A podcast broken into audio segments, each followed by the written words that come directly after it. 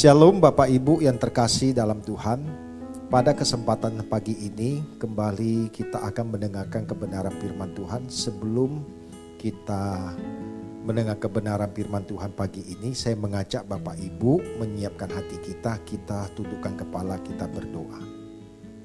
Papa di sorga, kembali pagi ini kami bersyukur dan terima kasih buat hari yang baru Tuhan berikan kepada kami. Kami ada sebagaimana kami ada hanya oleh kasih karuniamu. Kami membuka hati pikiran kami untuk mendengarkan kebenaran firman-Mu. Tuhan berkata-kata dan berbicaralah bagi setiap kami agar lewat kebenaran-Mu yang kami dengar pagi ini sungguh memberkati kami semua. Terpuji namamu Bapa di dalam nama Yesus Kristus kami bersyukur dan kami berdoa. Amin. Shalom Bapak Ibu yang terkasih. Pada kesempatan pagi ini saya mengucap terima kasih kepada Gembala Jemaat yang memberikan saya kesempatan untuk menyampaikan kebenaran. Dan pagi ini saya percaya kita pasti diberkati lewat kebenaran firman Tuhan yang saya akan sampaikan. Bapak Ibu yang terkasih dalam Tuhan, inti dari Injil itu adalah keselamatan keselamatan itu masuknya dikembalikannya manusia kepada rancangan semula.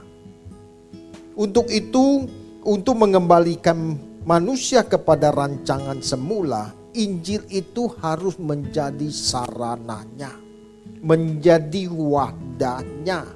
Di mana kita melalui Injil kita mendengar kebenaran atau kita mendengar kabar baik, kabar baik yaitu kabar yang menyelamatkan. Di dalam Injil itu memuat kebenaran-kebenaran yang akan mengubah paradigma berpikir kita. Dengan dikembalikan manusia kepada rancangan semula, berarti manusia dimungkinkan untuk memiliki keberadaan segambar dan serupa dengan Allah ketika manusia belum jatuh ke dalam dosa. Dengan keadaan ini manusia itu bisa dipulihkan oleh Allah. Dan Tuhan itu menjadi bapaknya. Dan manusia itu sebagai anak Allah berarti manusia itu harus memiliki relasi dengan Allah secara proporsional. Seperti yang Tuhan kehendaki. Untuk membangun relasi ini, kita harus memiliki hubungan yang intim dengan Tuhan melalui persekutuan kita setiap hari. Dengan kita belajar kebenaran, kita mendengar CD-CD khotbah maupun berbagai sarana lain yang bisa kita gunakan untuk kita mendengar Injil. Jadi ketika kita mendengar Injil kita akan mengalami proses pembaharuan. Dan proses pembaharuan ini akan berlangsung dalam hidup kita bukan satu minggu, dua minggu, satu bulan, dua bulan, satu tahun, dua tahun. Tetapi sepanjang hidup kita.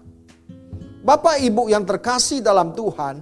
Tuhan ingin mengembalikan agar manusia memiliki relasi seperti zaman sebelum manusia jatuh ke dalam dosa.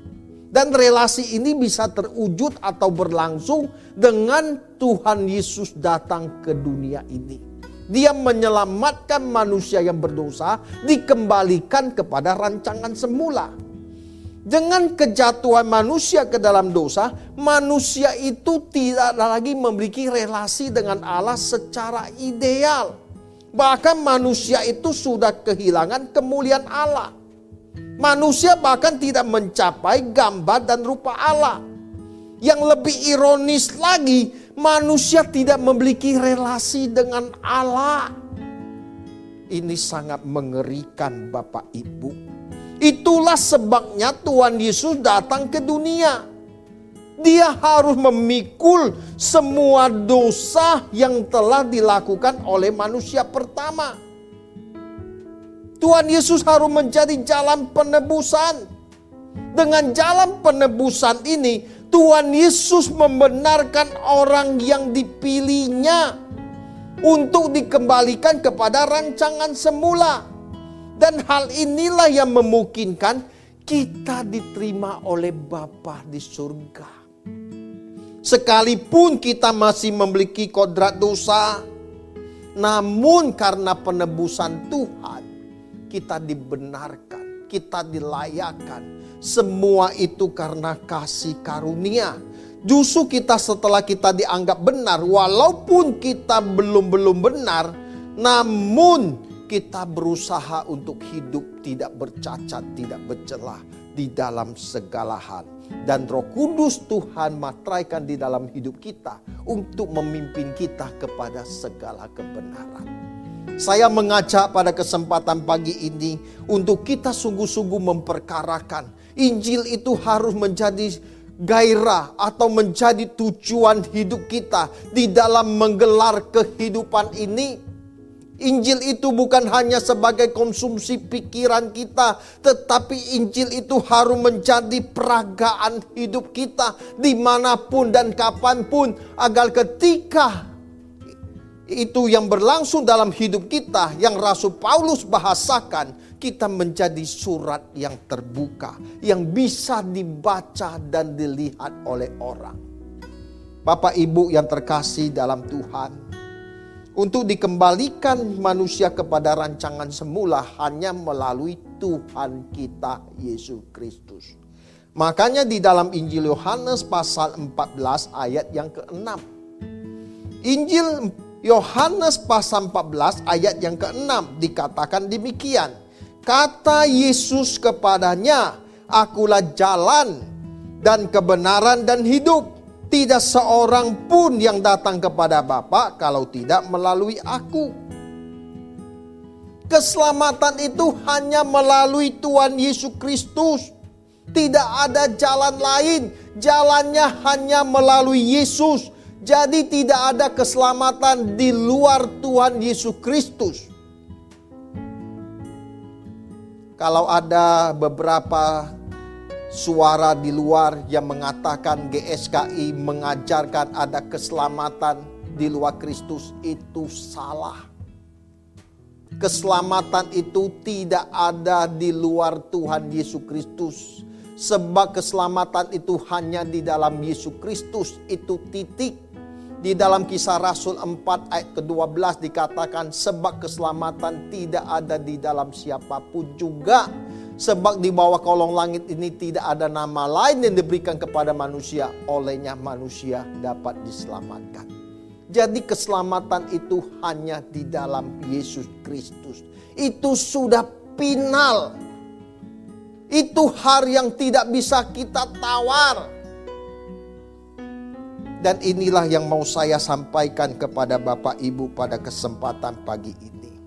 Kalau dikatakan Tuhan Yesus jalan atau hodos, artinya adalah lorong yang panjang yang memiliki jarak dan perlu progresivitas untuk dapat kita tempuh. Kalau Tuhan Yesus berkata akulah jalan, maka kita sebagai orang percaya, kita harus mempercayai bahwa keselamatan itu hanya di dalam Yesus. Dan Yesus Kristus itu satu-satunya jalan, tidak ada jalan lain. Orang boleh banyak berkata banyak jalan menuju kepada Roma, silakan. Tapi jalan keselamatan hanya melalui Yesus. Tidak ada keselamatan di luar Tuhan Yesus Kristus. Ini harga mati. Dan kita tidak pernah kompromi dengan hal ini.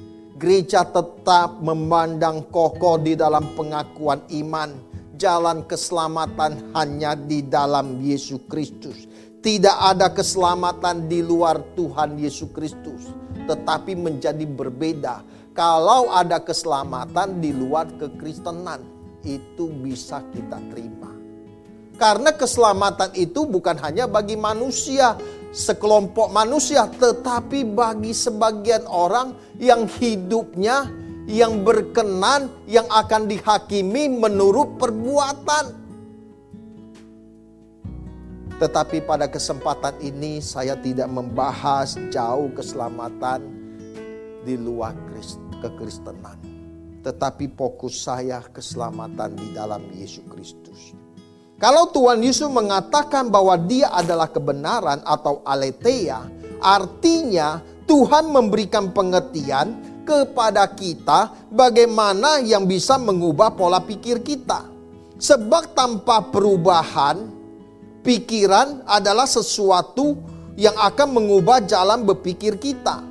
Dengan kita memahami kebenaran demi kebenaran, justru kebenaran itu pada akhirnya yang akan mencelikan mata pengertian kita, sehingga kita mengalami kemerdekaan di dalam Dia. Tentu, untuk mengalami kemerdekaan itu harus melalui tahapan proses yang panjang, bukan satu titik, tapi satu garis panjang sampai kita menutup mata. Makanya di dalam kitab Injil Yohanes pasal 8 ayat 31 sampai 32. Yohanes 8 ayat 31 sampai 32 dikatakan, "Jikalau kamu di dalam firman-Ku, kamu benar-benar adalah muridku, dan kamu akan mengetahui kebenaran dan kebenaran itu akan memerdekakan kamu." Jadi yang bisa memerdekakan kita itu ketika kita mengenal kebenaran. Kebenaran itu siapa? Yesus Kristus akan diubahkan cara berpikir kita sehingga kita mengerti pengertian akan kebenaran sampai satu titik kebenaran itu mencelikan mata pengertian kita. Dan ini sesuatu yang bisa berlangsung di dalam kehidupan kita sebagai orang percaya. Tentu hal ini suatu proses yang, pen, yang panjang yang harus kita lalui. Yang berlangsung dalam hidup kita. Kalau kita mengerti kebenaran dan mengenali kebenaran, artinya sampai endingnya kita baru bisa sampai kepada Bapa. Tanpa mengerti kebenaran yang murni, tidak mungkin kita mengalami kemerdekaan di dalam Tuhan. Jadi kebenaran itu bukan hanya kita pahami, tetapi kebenaran itu harus kita kenakan di dalam hidup kita sebagai orang percaya. Inilah yang disebut sebagai bangsawan surgawi. Bapak Ibu yang terkasih, saya rindu. Biarlah kebenaran firman Tuhan yang kita dengar yang akan membaharui hidup kita. Sehingga kebenaran itu yang akan memerdekakan kita dari perhambaan dosa, dari segala kutuk, dari segala sesuatu yang tidak berkenan. Sekarang yang ketiga, Yesus adalah hidup. Hidup itu artinya soe. Kata hidup dalam bahasa Yunani ada dua kata. Yang satu soe menuju kepada hidup yang berkualitas. Sementara bios kata yang menuju hidup pada umumnya seperti binatang, memang mereka hidup, tapi mereka tidak memiliki hidup standar yang berkualitas tinggi seperti manusia, karena manusia itu memiliki roh yang dari Allah. Artinya, hidup yang berkualitas ini, bagaimana kita memiliki gaya hidup seperti yang diperagakan oleh Kristus. Tentu, melalui ini harus ada tahapan proses bagaimana kehidupan kita menjadi kualitas ketika kita mengalami pola berpikir. Pembaharuan berpikir yaitu metanoia. Sehingga kita benar-benar mengalami perubahan kodrat. Dari kodrat manusia yang berdosa menjadi kodrat manusia yang berkodrat ilahi. Ibarat dari kupu-kupu yang mencicikan menjadi kupu-kupu yang indah. Dari ulat yang menjijikan kita menjadi kupu-kupu yang indah. Tentu hal ini dibangun bukan sesuatu yang sederhana, tetapi melalui proses yang panjang. Jadi, hidup ini adalah perjalanan. Perjalanan bagaimana kita menggelar hidup agar kita hidup sesuai dengan apa yang diperagakan oleh Tuhan 2000 tahun yang lalu. Tentu melalui perubahan ini Tuhan memberikan kuasa kepada kita memberikan kita hak untuk menjadi anak-anak Allah. Hal ini sesuai apa yang dikatakan oleh Injil Yohanes pasal 1 ayat 12. Tetapi semua orang yang menerimanya diberinya kuasa supaya menjadi anak-anak Allah, yaitu mereka yang percaya dalam namanya. Waduh Bapak Ibu, kita diberi hak untuk menjadi anak Allah dari manusia yang berdosa diadopsi Allah menjadi anaknya. Ini kehormatan. Ini anugerah. Kita semuanya sudah terjual di bawah kuasa dosa dan menjadi budak dosa, menjadi hamba dosa. Tetapi oleh penebusan Tuhan, Tuhan menebus kita, mengadopsi kita menjadi anaknya. Waduh ini tidak bisa dilukiskan dengan kalimat. Ini kehormatan. Coba misalnya Bapak Ibu kalau kita diadopsi oleh seorang petinggi negeri ini. Atau oleh Ratu Elizabeth Waduh, kita akan menjadi bangsawan dari kebangsaan Inggris. Kita akan meninggalkan cara hidup kita yang lama. Bahkan kalau kita punya rumah 5M aja, kita tinggalkan. Gak ada artinya 5M itu dibanding istana. Kerajaan Inggris yang harganya, waduh, kalau dirupiahkan berapa T, berapa ribu T, kita tinggalkan cara hidup kita berubah, cara makan kita berubah, cara bicara juga kita berubah. Karena kita sekarang tabiat lagi bukan gembel.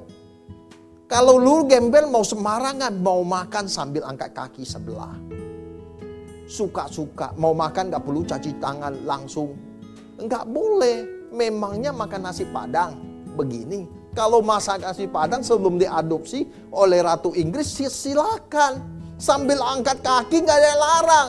Tapi begitu sudah diadopsi oleh Ratu Elizabeth, nggak bisa lagi makan padang model angkat kaki atau pakai tangan. Tetapi dengan sikap yang baik. Pegang garpunya itu ada tata keramanya. Nanti mau menyendok itu harus ada etikanya. Itu kan semua perubahan. Nah itu, sekarang Allah mengadopsi kita. Mengangkat kita menjadi anaknya. Setelah menjadi anak, tentu kita tidak boleh hidup sembarangan. Kita harus sadar bahwa kita itu sekarang bangsawan surgawi, umat kepunyaan Allah. Kita itu adalah orang-orang yang istimewa, yang suatu hari kita akan menjadi penghuni kerajaan surga. Makanya sejak di bumi kita harus menata hidup kita sebagai bangsawan surgawi. Dari cara bicara kita, dari cara kita memperlakukan orang, cara kita bersikap, cara kita bertindak, wah semua itu harus mengalami perubahan. Yang tadinya kita dikit-dikit emosi, dikit-dikit marah, oh nggak bisa lagi. Karena kita akan disorot. Wah ini orang Kristen. Ini hamba Tuhan. Benar gak hidupnya? Ha, kita kan menjadi seperti ikan di dalam akuarium dilihat orang sikapnya, perilakunya, cara bicaranya. Ah, tentu kan ini melalui proses. Memang kita mengalami jatuh bangun, tetapi percaya yang penting kita memiliki tekad dan komitmen untuk terus berubah. Sehingga pada akhirnya kita menjadi anak-anak bangsawan surgawi. Biar nama Tuhan yang dipermuliakan di dalam kehidupan kita.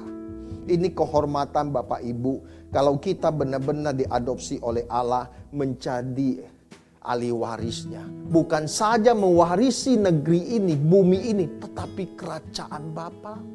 Waduh, itu kehormatan yang tiada taranya. Tidak ada artinya kemuliaan dunia ini dibanding dengan kemuliaan yang akan Tuhan nyatakan kepada kita suatu hari kelak. Oleh sebab itu, kalau ada yang melukai hati kita, melukai perasaan kita, kita belajar mengampuni, melupakan. Oh ini baru sikap manusia surgawi. Jangan menaruh kebencian lagi, kasihi musuhmu, jangan membalas kejahatan dengan kejahatan, kalahkan kejahatan dengan kebaikan. Kalau orang mencaci maki kamu, kita berbuat baik supaya mereka bisa melihat terang Tuhan ada pada kita. Ini baru manusia ilahi. Ini baru manusia yang berkodrat ilahi. Untuk mencapai ini, wah tidak sederhana, jatuh bangun. Tetapi bisa kalau kita punya tekad. Karena roh kudus akan menuntun dan menolong kita dan memimpin kita kepada segala kebenaran. Setelah kita dibenarkan oleh Allah, maka kita memiliki persekutuan yang benar dengan Allah. Ini tidak mudah tetapi harus kita jalani dengan perubahan atau pertobatan yang terus-menerus. Kita jangan hanya setuju bahwa Yesus adalah jalan, tetapi kita juga harus jalani kehidupan yang pernah dijalani oleh Tuhan Yesus. Jangan cuma kita mengaku Yesus jalan keselamatan, tapi kita sendiri tidak menjalani kehidupan yang pernah dijalani oleh Tuhan. Kehidupan yang dijalani oleh Tuhan apa? Bacalah Injil, bacalah Alkitab. Itu semua memuat pesan-pesan penting yang Tuhan ajarkan. Itu juga yang harus kita jalani. Bagaimana Tuhan diperlakukan tidak adil, sikapnya bagaimana? Ha, itu yang kita jalani. Jangan cuma percaya jalannya tapi tidak menjalani jalannya Tuhan. Itu namanya egois. Jangan kita bandingkan dengan saudara-saudara kita dari agama seberang atau kepercayaan yang dianut yang hidupnya tidak berpadanan dengan Injil. Tentu fokus kita, kiblat kita hanya Yesus, bukan yang lain. Kalau kita mengaku dan percaya Yesus serta menjalani jalannya, barulah kita dapat disebut kita memiliki keberadaan seperti anak Allah. Jadi keberadaan sebagai anak Allah itu baru bisa dikenakan kepada pribadi seseorang ketika dia sudah menjalani kehidupan seperti yang Kristus jalani.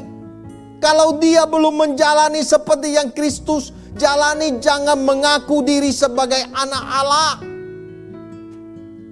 Pengakuan diri sebagai anak Allah itu bukan bagi sembarang pribadi. Jangan mentang-mentang KTP-mu Kristen. Artinya pengikut Kristus. Tapi hidupmu tidak seperti Kristus. Aduh kasihan. Justru pertama kali di Antioquia disebut Kristen karena murid-murid itu memperagakan hidup bagaimana seperti tuannya. Seperti Kristus. Sehingga orang-orang masyarakat pada waktu itu memandang mereka adalah pengikut Kristus, akhirnya disebut Kristen. Sekarang jangan sampai kita disebut Kristen, tetapi hidup kita tidak membawa keharuman bagi nama Tuhan. Waduh, ini sangat menyedihkan. Dan kalau ada yang demikian, ayo kita berubah. Kita bertobat selagi ada waktu dan kesempatan yang Tuhan berikan kepada kita. Bapak Ibu yang terkasih dalam Tuhan, untuk memiliki persekutuan yang benar dengan Tuhan, mau tidak mau kita harus menjalani kehidupan Yesus. Di dalam kitab Ibrani pasal yang kelima ayat 7 sampai ke 9, kalau ayat ini kita baca, kita melihat bagaimana Tuhan Yesus belajar taat. Dia belajar taat dalam segala hal. Dia taat kepada siapa? Kepada Bapa di surga. Dia tidak otomatis menjadi taat, tetapi dia benar-benar belajar taat kepada Bapa. Untuk mencapai kesempurnaan ini, tentu Tuhan Yesus melalui proses perjuangan yang tidak mudah. Ini tidak gratis, ini tidak otomatis. Setelah mencapai kesempurnaan, Tuhan Yesus baru disebut pokok keselamatan. Dia yang bisa menjadi pengubah hidup kita. Dari manusia yang berkodrat dosa menjadi manusia yang berkodrat ilahi. Yang pada akhirnya kita bisa sempurna seperti Bapa dan serupa dengan Tuhan Yesus. Ini adalah proyeksi yang sangat mahal. Tetapi kalau kita bersedia menjadi bangsawan surgawi. Ini yang menjadi kerinduan kita. Biar gairah ini sungguh-sungguh membekas di dalam hidup kita Bapak Ibu yang terkasih dalam Tuhan. Kalau di dalam kitab Ibrani pasal ke-12 ayat 5 sampai ke-7 di mana kita melihat bahwa orang di orang percaya itu pasti mengalami proses atau dididik oleh Bapak di sorga. Kalau orang tua di dunia saja mau mendidik anak-anaknya demi kebaikan. Kalau anaknya jahat, anaknya nakal, pasti dipukul dihajar supaya anaknya belajar menjadi lebih baik lagi. Misalnya anaknya kedapatan mencuri. Waduh, menyolong di sekolahan. Akhirnya disetrap sama guru. Jangan berhenti disetrap di sekolah, selesai. anaknya pulang, kita kasih tahu. Nah, mulai besok kamu tidak boleh melakukan hal ini lagi.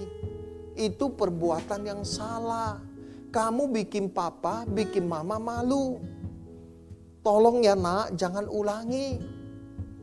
Sebagai hukumnya, hukumannya, hari ini kamu angkat kaki. Kita kasih hukuman, angkat kaki sebelah, suruh berdiri begini. Setengah jam, ah, oleng-oleng dia. Aduh ma aku capek. Ah, capek kan? Baru kasih hukuman berat.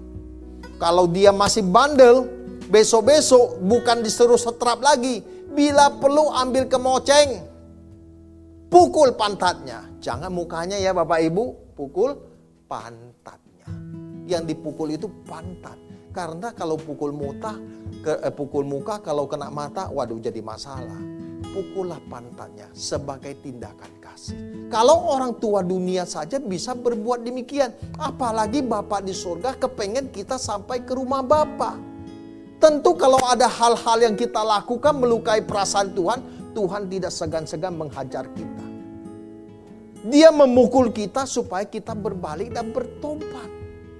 Oleh sebab itu pada kesempatan hari ini saya rindu kita sungguh-sungguh menghayati bahwa kekristenan itu bukan jalan yang mudah. Jalan hidup kekristenan ini jalan yang melelahkan jalannya sempit, perjuangannya berat, tetapi upah yang kita nantikan tidak terkira. Ini yang menjadi kebahagiaan kita. Ini yang menjadi hasrat kita.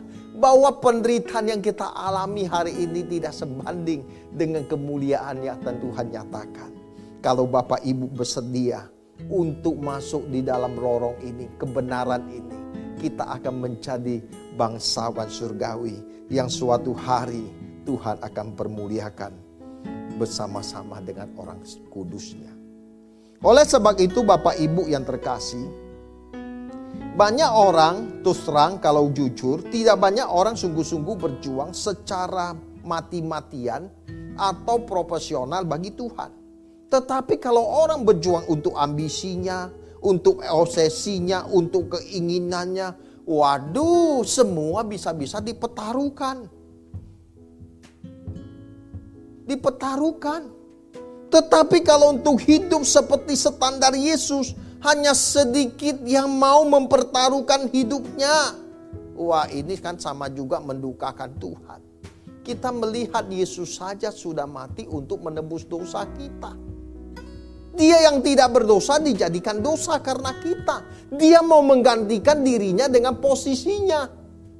Sekarang kita sudah selayaknya mempertaruhkan apa pun yang kita miliki. Karena kita berhutang nyawa, kita berhutang kehidupan kepada dia. Kita tidak bisa membalas segala kebaikan Tuhan dengan apa pun yang kita miliki.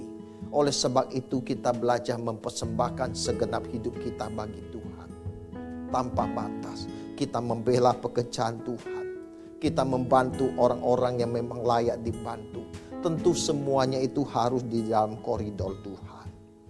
Bapak di surga pasti menuntun dan memimpin kita kepada segala kebenarannya. Kalau kita mau, kita akan diproses menjadi manusia yang berkodrat ilahi. Memang hal ini melelahkan, tetapi percayalah ini jalan yang terbaik untuk menghidup ke, ke kehidupan kekal kita bersama dengan Tuhan. Kemuliaan Tuhan itu tidak bisa dikalimatkan atau dibahasakan dengan bahasa manusia. Yang Rasul Paulus katakan penderitaan kami tidak sebanding dengan kemuliaan yang akan kita terima suatu hari kelak. Kalau saat ini kita mengaku percaya saja belum sungguh-sungguh kita menjadi otomatis sampai kepada Bapa. Kalau kita mengaku kita percaya kepada Yesus, belum otomatis kita sampai kepada Bapa. Tetapi kita harus sungguh-sungguh menjalani dan menyerahkan hidup kita sepenuhnya untuk menjalani seperti kehidupan yang dijalani oleh Tuhan Yesus.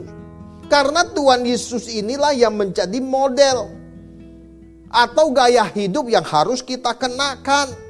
Sampai titik ini, sampai level ini, baru kita bisa berkata hidupku bukan aku lagi. Tetapi Kristus yang ada di dalam aku. Iya, saya rindu Bapak Ibu kita membaca ayat ini dalam kitab Galatia 2 ayat 20. Kitab Galatia 2 ayat 20 dikatakan demikian. Namun aku hidup tetapi bukan lagi aku sendiri yang hidup. Melainkan Kristus yang hidup di dalam aku. Dan hidup yang kuhidupi sekarang adalah di dalam daging. Adalah hidup oleh iman dalam anak Allah yang telah mengasihi aku dan menyerahkan nyawanya untuk aku. Kalau kita sampai memiliki filosofi seperti yang dikatakan Paulus, bahwa hidupnya bukannya aku lagi, tetapi Kristus yang hidup di dalam aku. Kalau orang sampai titik ini, dia sudah bisa menyalip, menyalipkan daging bersama seluruh hawa nafsunya, sehingga hidupnya dimiliki oleh Allah sepenuhnya. Kalau orang belum sampai hidupnya seperti hidupnya Kristus, jangan menyebut diri sudah menyerahkan hidup bagi Tuhan. Kalau biasanya kebanyakan orang masih memiliki diri sendiri, masih egois, mau melakukan segala sesuatu yang diinginkan tanpa mempertimbangkan perasaan Tuhan. Tetapi pagi ini kita belajar untuk menyalipkan daging kita dengan segala hawa nafsunya supaya kita bisa menjadi pribadi-pribadi yang berkenan di hadapan Tuhan. Ini adalah kehormatan yang tiada taranya. Pada kesempatan pagi ini Bapak Ibu saya mengajak kita berubah. Kita mau mengenakan hidupnya Tuhan di dalam hidup kita. Sehingga kita bersedia menanggalkan segala sesuatu yang tidak berkenan kepada Tuhan agar suatu hari ketika kita menutup mata, kita dipermuliakan bersama dengan Tuhan di dalam kerajaannya.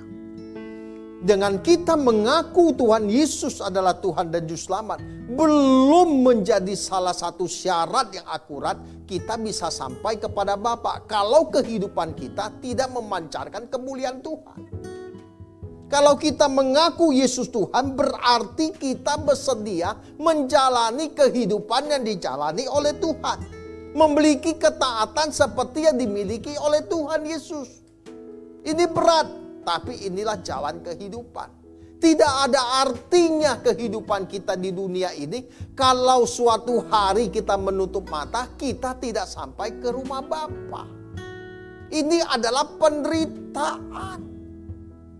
Jangan sampai kita masuk ke dalam penderitaan abadi. Selagi ada waktu dan kesempatan, saatnya kita berubah dan bertobat agar kita merubah kodrat dari manusia yang berkodrat dosa menjadi manusia yang berkodrat ilahi. Yang suatu hari kita akan dipermuliakan bersama dengan Tuhan. Milikilah persekutuan dengan Tuhan terus menerus sampai kita menutup mata dan kita terus belajar kebenaran. Biar kebenaran itu sungguh-sungguh memerdekakan kita. Kita tidak lagi berbuat sesuatu yang tidak pas di hati Tuhan. Kita tidak lagi melakukan segala sesuatu yang bertentangan dengan kehendaknya. Persekutuan dengan Tuhan itu tidak terjadi secara otomatis, tetapi tapi kita benar-benar menjuang bagaimana kita memiliki persekutuan dengan Tuhan yang ideal sampai kita krek dengan Tuhan. Artinya kita memiliki irama hidup seperti yang Tuhan inginkan. Bapak Ibu yang terkasih, saya berharap di sisa hidup kita yang singkat ini, kita mau memperagahkan seluruh hidup kita hanya untuk menyenangkan Tuhan kita bersedia meninggalkan segala dosa dengan segala kesenangannya. Demi satu tujuan agar kita sampai ke rumah Bapa. Itu merupakan perjuangan yang sangat berat. Tetapi inilah jalan kehidupan itu sendiri. Kalau kita bersedia melakukan, maka penderitaan yang kita alami tidak sebanding dengan kemuliaan yang akan dinyatakan oleh Bapa kepada kita. Ini adalah kemuliaan di atas segala kemuliaan. Kita akan bersanding dengan Tuhan. Semeja di dalam perjamuan kudus bersama dengan Tuhan. Ini adalah orang-orang yang istimewa. Kalau Bapak Ibu bersedia, mari saya mengajak pada kesempatan ini. Kita sungguh-sungguh menggoreskan hidup kita hanya untuk mencintai Tuhan lebih dari apa pun dan siapa pun. Kalau itu yang kita lakukan, kita akan menjadikan dia kekasih abadi dan tidak ada yang kita nantikan dalam hidup kita kecuali Tuhan. Biar kebenaran firman Tuhan pagi ini memberkati kita semua. Amin. Amin. Saya mengajak kita semua kita tundukkan kepala, kita berdoa. Terima kasih Bapa di surga kami telah mendengar kebenaran firman-Mu. Kami percaya kebenaran-Mu tidak akan berlalu dengan sia-sia. Tuhan yang mematraikan kebenaran-Mu di dalam loh hati kami. Biarlah kami semua menjadi pelaku atas kebenaran-Mu. Dan menjalani hidup seperti yang telah diperagakan oleh putra tunggalmu Tuhan Yesus. Roh Kudus tolong kami, pimpin kami. Agar kami sampai ke rumah Bapa.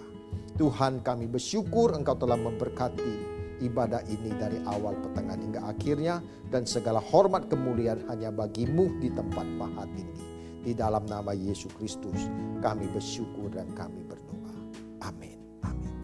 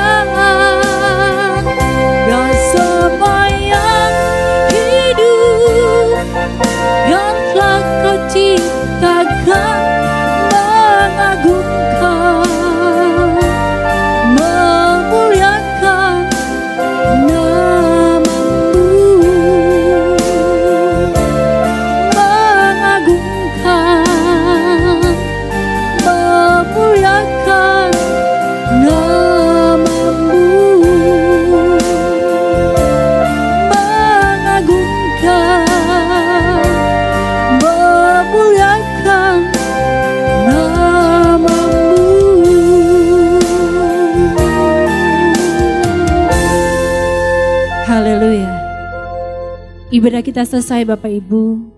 Terima kasih buat semua persembahan yang Bapak Ibu sampaikan untuk pekerjaan pembangunan gereja di tempat ini. Selamat hari Minggu, Tuhan Yesus memberkati kita semuanya.